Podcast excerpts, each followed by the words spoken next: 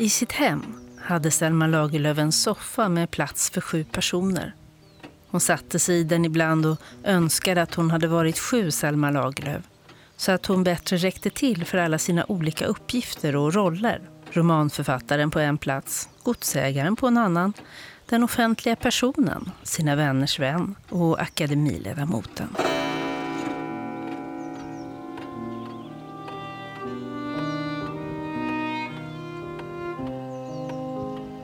Det är Lagerlöfs livskamrat Valborg Olander som vittnat om historien.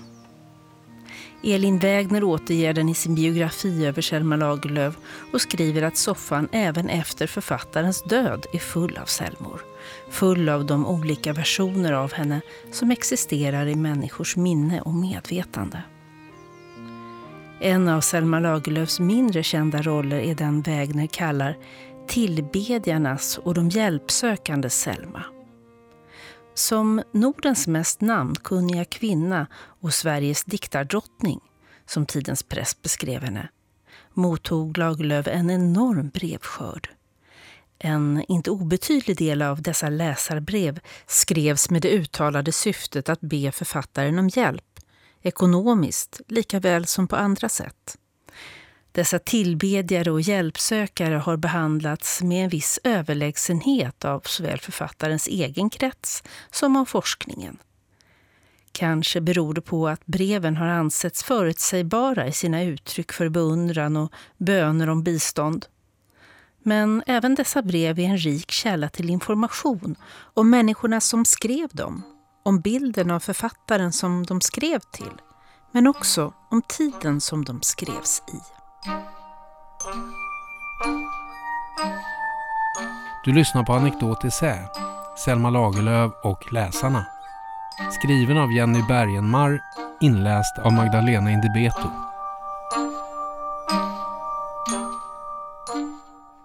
Jenna Otterdal, en lärare från Göteborg och vän med författaren, var en av dem som såg breven som ett intrång i Lagerlöfs författarliv.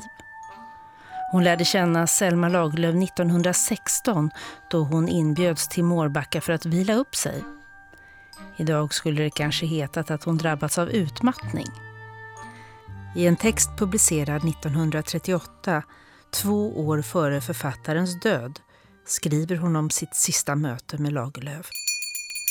Vid förmiddagskaffet kom posten som alltid var mycket vidlyftig. Massor av tidningar och tidskrifter, massor av brev. En stor del av de senare härrörde från supplikanter av olika upptänkliga slag. Jenna Otterdal gör välgärningen att, som hon skriver, personligen avböja en del mer eller mindre hänsynslösa vädjanden till hennes goda hjärta och hårt anlitade kassa. Lagerlöf skrev brev metodiskt ett par timmar varje dag. Till stor del ägnades dessa dagliga timmar åt att svara på gratulationer, förfrågningar om föredrag eller artiklar samt svar på tiggarbrev. Wägner beskriver också Lagerlöfs strategi så som den framstår genom hennes dagboksanteckningar. Kort sagt gick den ut på att Lagerlöf svarade på allt och så gott hon kunde säga nej till hjälpsökande. Men de återkom ofta och fick då i regel pengar om de kunde motivera sig. Alla dessa värdiga eller ovärdiga hjälpsökande hade en bundsförvant inom Selma själv, skriver Wägner. De hjälpsökande hade förstås också sina strategier. Den kanske viktigaste var att berätta om sitt liv. I dessa berättelser tilltalas också olika Selmor, vid sidan av de som nämns av Wägner. Ofta anropas den Selma Lagerlöf som är de svagas beskyddare. Den bilden av henne byggde både på hennes egna texter, som ofta beskriver utsatta människor, och på bilden av henne själv i media, där hennes generositet mot hjälpsökande då och då omskrevs. 1935 gjorde tidskriften Husmorden sitt i spridningen av berättelsen om Lagerlöfs godhet. Där berättas det om ett ungt förlovat par som skrev till henne och bad om 5 000 som bidrag till en egen bostad. De ville så gärna gifta sig, men hade inte råd. Husmodern vågade inte uttala sig om den exakta summan som Lagerlöf skänkte men uppger att det var omkring 1000 kronor. Just breven om bidrag till bostad är särskilt många. Framförallt brev med böner om pengar för att få behålla ett barndomshem. Brevskrivarna använde då den allmänt tillgängliga informationen de hade om Lagerlöfs eget liv. Hon hade ju själv förlorat sitt barndomshem och långt senare fått möjlighet att köpa tillbaka det. Genom breven befann sig Selma Lagerlöf i mitten av sin samtid. Modernitetens stora teman strömmade mot henne i den dagliga brevfloden. Urbaniseringen, emigrationen, kvinnoemancipation, 30-talets ekonomiska kris, tuberkulosen och inte minst två världskrig. Hon fungerade som en biktmor för människor i kris, liksom senare Astrid Lindgren, vars brevsamling är den enda bland svenska författare som överträffar Lagerlöfs i storlek. Lagerlöf var också en välgörenhetsinrättning för fattiga. Och hon var en mentor och mecenat åt unga författare och andra som ville ta sig fram i kulturlivet.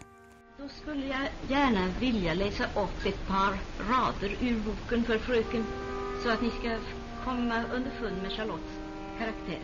Tack.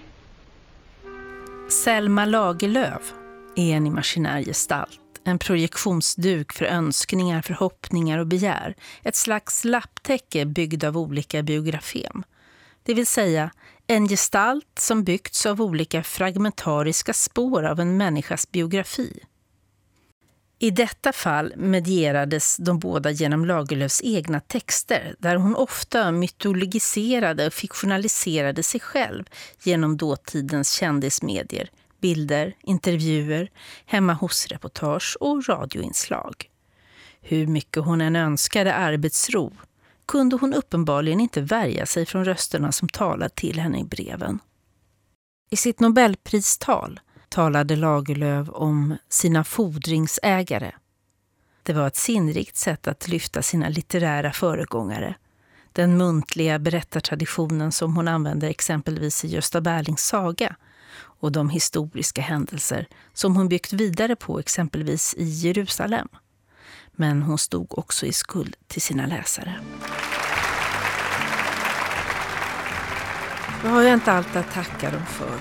Allt ifrån den gamle kungen och hans yngste son som sände mig ut på min gesällvandring till södern. Till de små skolbarnen som klottrade ihop ett tack för Nils Holgersson vad skulle det blivit av mig om man inte hade velat läsa mina böcker? Visst är den skuld som Lagerlöf berättar om i talet en retorisk figur för att uttrycka ödmjukhet. Men mycket tyder på att hon också upplevde skulden som faktisk och att hennes plikttrogna svar på brev från okända var ett sätt att betala av den.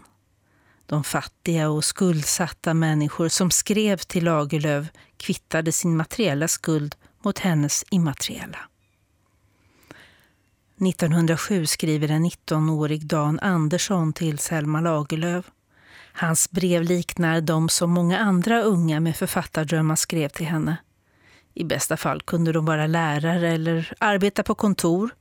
I värsta fall statare, arbetare eller fattiga bönder. Dan Andersson var skogsarbetare i Norhyttan inte långt från Låsaberget som nämnts i en av hans mest kända texter, omkring tiggaren från Låsa.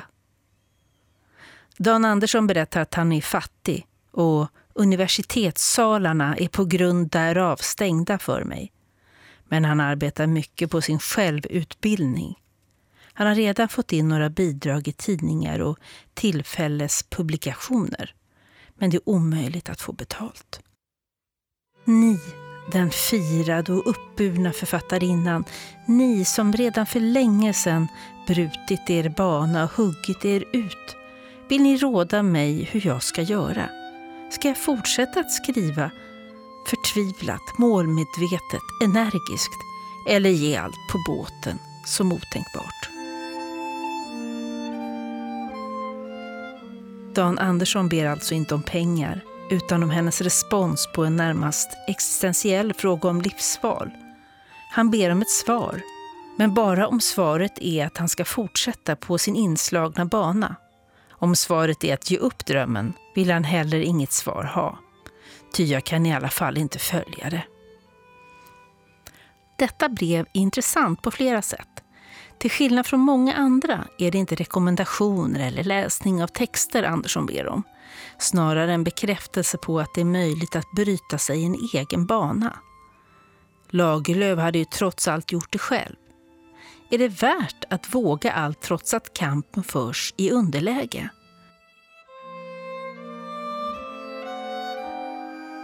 Den instängdhet och hopplöshet som låter sig anas bakom Anderssons beslutsamhet ger många brev uttryck för. Den unge sågverksarbetaren J.D. Adolfsson skriver till Lagerlöf från Östersund 1909. Här framgår att den självutbildning som Andersson ägnade sig åt inte var tillgänglig för alla. Jag har läst i tidningar som jag kunnat få låna så mycket om frökens böcker och fröken själv och önskar mycket att få låna dem och läsa. Men jag vet ej utav någon som har dem och själv är jag fattig, föräldralös gosse som försörjer mig med att arbeta på ett sågverk för en liten ringa dagspenning. Så jag har ej råd att själv köpa dem, ty de är så dyra i bokhandeln. Nu kommer jag till fröken själv och ber ödmjukast om att fröken måtte vara så innerligt snäll och skicka mig en av sina böcker. Jag tycker så mycket om till att läsa. Men jag har inga böcker, blott några små skräphäften som jag fått låna av en kamrat. Och nu är det snart jul med flera helgdagar och de bliva så långa för en sådan som mig som ej har råd att köpa tidningar. De jag hyr ett litet rum utav är också fattiga så att de hava ej heller några. Brevet berättar att Selma Lagerlöfs böcker, trots att de utkom i billighetsupplagor, var för dyra för somliga som bara hade råd att läsa det som var tryckt i häften och tidningar, om ens det. Brevet berättar också att skillnaden i social ställning inte hindrade denna unge man från att skriva till författaren. Lagerlöf uppfattades som socialt ansvarstagande och tillhörde inte överklassen. Hon var möjlig att tilltala trots att man inte hade någon position i samhället. En person som lever under dessa förhållanden står antagligen inte bara på andlig svältkost. Ändå är det litteraturen som beskrivs som en existentiell livlina. Brevskrivaren ber inte heller om något ekonomiskt bistånd, bara om läsning för att överleva julen. Att läsningen har sådan betydelse har kanske också att göra med ett hopp om att genom bildning ta sig ut ur misären. Också kvinnor skriver förstås till Lagerlöf med sina författardrömmar, men då var de vanligen medelklasskvinnor. Arbetarkvinnorna skrev i andra ärenden. Det kunde handla om att inte kunna försörja sina barn, om män som söp misshandlade, om sjukdom, om graviditet utanför äktenskapet. De skriver att de inte har någon annan att vända sig till. Att hon om någon förstår dem och de ber henne om att hålla den informationen de ger henne hemlig. Förtrolighet präglar den roll de intar som brevskrivare, men också ödmjukhet eftersom det ofta handlar om att be om något. Förlåt mig av godhet och uppfyll mina böner. Det är för en liten fosterflicka som jag så gärna vill få behålla skriver en änka i Mellerud. Barnavårdsnämnden hade beslutat att adoptera bort henne permanent till en annan familj som inte hade barn sedan tidigare och som hade en starkare ekonomisk ställning. Handstilen och felskrivningarna tyder på att detta inte är en van brevskrivare. Breven har en konkretion och detaljrikedom som tillsammans berättar den stora berättelsen om ett Sverige före välfärdssamhället. Var för sig ger de kontur åt individuella livsöden. Ofta är det mycket specifika ändamål man behöver pengar till, såsom kläder och andra nödvändiga saker till hemmet. När en fattig småländsk kvinna ber om hjälp med att få råd att köpa sängkläder och skriver att allt är så dyrt så det blir bara trasor fast jag försöker hålla det samman låter det sig också läsas som en metafor för hur livet kunde te sig med sju barn och en sjuk man på 1910-talet.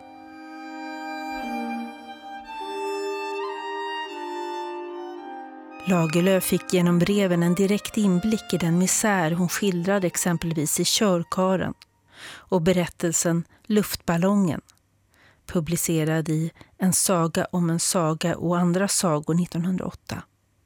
Den senare handlar om två pojkar och deras alkoholiserade och misshandlande pappa. Hur mycket brevens berättelse formade Lagerlöfs författarskap är omöjligt att veta. Men att hon faktiskt lyssnade och tog intryck är otvetydigt. Ett exempel på ett tydligt samband mellan breven och den litterära produktionen finns i berättelsen Stjärnan från 1921 med undertiteln Brev från en svensk arbetare. Den börjar med en datumangivelse och är skriven som ett autentiskt brev. Stjärnan berättar om en verkstadsarbetare som tidigare varit anställd i Tyskland och som oskyldigt avtjänat ett tre månaders straff i tyskt fängelse. Hemkommen till Sverige får han en vision av att Jupiter lösgör sig från sin plats på himlen och nu var på väg mot Europa som en Guds hämnd och straff. Europa ska förgås med alla sina synder, sitt myckna krigande och sin stora förgänglighet. Till innehållet motsvarar texten ett tio sidor långt brev till Selma Lagerlöf från 1918 där just denna apokalyptiska vision förmedlas av en man med samma bakgrund som i Lagerlöfs berättelse. Det stämmer visserligen inte med datumangivelsen i Lagerlöfs publicerade text, 20 april 1917. Men det är inget tvivel om att stjärnan bygger just på detta brev från 1918.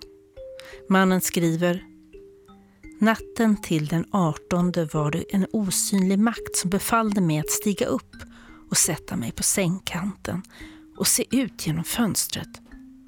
Det var planeten Jupiter som nu föll ner på jorden och förstenade den delvis, ej alldeles. Särskilt på ställen från kriget och särskilt Tyskland skulle lida mest därav medan de i alla tider har rustat för krig och för att döda massor av människoliv. Budskapet är att kriget måste upphöra så fort som möjligt för att undvika katastrofen. Lagerlöf har i Stjärnan arbetat om brevet stilistiskt och språkligt men behållit innehållet. En bakgrund kan vara den totala solförmörkelse som inträffade 1914 och förstås även kriget i sig. Men det hände också att personer skrev med det uttalade syftet att ge Lagerlöf uppslag till spännande romanämnen. Ofta berättelser från deras eget liv eller sådana som berättats i den trakt de kom ifrån. 1935 skickar Linus Andersson sina självbiografiska anteckningar till Lagerlöf för att höra om det bland författare kan vara av intresse att värdera och skildra ens liv som är fullt av omväxlingar och underbara öden det gäller min egen person, men jag kan själv icke skriva, varför jag tänkte anmoda någon författare. Förutom att visa en människa utan skolbildning, uppväxt i fattigdom, dock uppfostrad av en gudfruktig, ärlig och plikttrogen mamma, skulle en framställning av hans liv skildra många både uppbyggliga och intressanta händelser i livet, jakthistorier med mera. En kvinna skriver 1919 och undrar om hon kan få lämna stoff till en verklighetsroman om en kvinnas bittra erfarenhet av livet. Hon vill att berättelsen ska utkomma, dels i tryck och sedan på den vita duken. Anspråken kunde ibland vara stora och ibland mer ödmjuka. Men det intressanta med de brev som människor skrev till Lagerlöf med uppslag till romanämnen är att de på sätt och vis alltid är anspråksfulla även om ambitionen inte är att hamna på vita duken. De anser sig alla att ha något av litterärt värde att berätta och de begär att bli hörda. Varifrån kommer den närhet människor uppenbarligen kände till Selma Lagerlöf? Hur kom det sig att man inför henne vågade berätta om sina privata tillkortakommanden, sin sorg, sin längtan och sina ambitioner? En nyckel till svaret står att finna i hur Lagerlöf tilltalas. Själva hälsningsfrasen i breven har en stor spännvidd. Från Hög ädla doktor Lagerlöf till Kära sagotant. Vanligt är också att man helt enkelt inledde med Fröken Lagerlöf. Åtminstone innan hon blev utnämnd till hedersdoktor. Mer talande är de olika tilltal som är så inbäddade i själva breven. Ni som är hela folket, kära vän. Ni som är god och förstående. Ni känner inte mig, men jag och hela världen känner doktor Lagerlöf. Doktor Lagerlöf som i hög grad kan sätta sig in i andra människors känslor, kanske förstår hur jag har det. Hur vågar jag skriva till eder i mina svåra ekonomiska bekymmer? Det vet jag inte. Jag vet bara att jag är en förtvinande moder och medmänniska som kan tala till en annan medmänniska. Lagerlöf tilltalas som en god och förstående medmänniska och vän. Vanligast är det i brev om ekonomisk hjälp. Men formuleringar som dessa förekommer även i läsarbrev. Som ett sätt att uttrycka beundran för författarens förmåga att förstå och gestalta olika människors livsöden. Hur kom brevskrivarna fram till beslutet att fatta pennan och skriva? Även detta formulerar de sig omkring. Ingen vet att jag skrivit det här och jag förstår inte själv hur jag kan ha fått mod att göra det, skriver en kvinna. En annan menar att hon vågar skriva därför att jag vet att ni förstår människors lidande. Det har ni med era högt nående tankar visat, särskilt i mina favoritböcker Jerusalem och Körkaren. I ett brev från 1915 ber en lärarinna om hjälp för en av sina elever med orden Och så skriver jag till eder, som själv varit lärarinna och därför vet hur en lärarinna kan känna till eder som mer än någon annan än de svenska skolbarnens egen. En del skriver om att de drivits av en högre kraft eller genom en dröm fått ingivelsen att skriva. En kvinna från Jämtland liknar i ett brev från 1932 sig själv vid gossen i sagan som alltid träffar en god fe som hjälper honom till rätta skulle icke även jag bliva hjälpt när jag vänder mig till er av Gud så högt begåvad och av människor så ärat och älskat. En liknande formulering finns i ett brev från Finland. Må hända vill denna goda sagofe även hjälpa mig. I tilltalet skapas inte bara en bild av mottagaren, en förställd Selma Lagerlöf, god fe, lärarinna och medmänniska utan även ett brevjag med egenskaper som gör det möjligt att skriva till henne. När brevskrivaren fattade pennan och skrev till Lagerlöf var det en individuell handling. Förvisso ofta av stor personlig betydelse, men utan innebörd för andra än de direkt berörda. Nu är dessa enskilda brev del av ett närmast monumentalt arkiv för minnen av liv levda från början till mitten av det förra seklet de år som Lagerlöf var verksam som författare, 1890 till 1940, är en period av nationsbyggande. Litteraturen ställdes i nationens tjänst i det som Lars Lönnroth och Sven Delblanc i sin litteraturhistoria den svenska litteraturen kallade den storsvenska generationen, till vilken Lagerlöf förstås räknas. Breven berättar också en historia om Sverige. Ibland med direkta hänvisningar till fosterlandet och tack till Lagerlöf för vad hon givit hela det svenska folket. Samtidigt är de historier eller minnen som berättas i breven ett exempel på material som vanligen inte inkluderas i nationell historieskrivning. Okända personers individuella livshistorier bidrar inte till att skapa en nationell identitet såsom politiska och kulturella händelser. Men för eftervärlden kan en brevsamling som denna bidra till att vi får veta mer än det som står i historieböckerna. Tillsammans överskrider breven det individuella minnet och formar ett kollektivt minne. De exemplifierar historieskrivningen men påminner oss också om det som glömts bort med de generationer som gått ur tiden. Slutligen, ger breven också en historia om lusten att läsa. Och kanske tydligare, begäret att få skriva och berätta sin historia.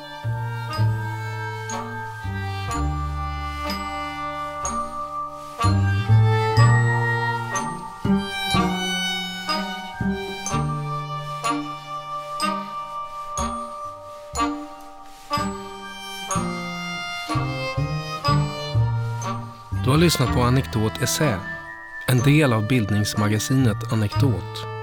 Musik Oskar Schönning. Regi Lars Indebeto.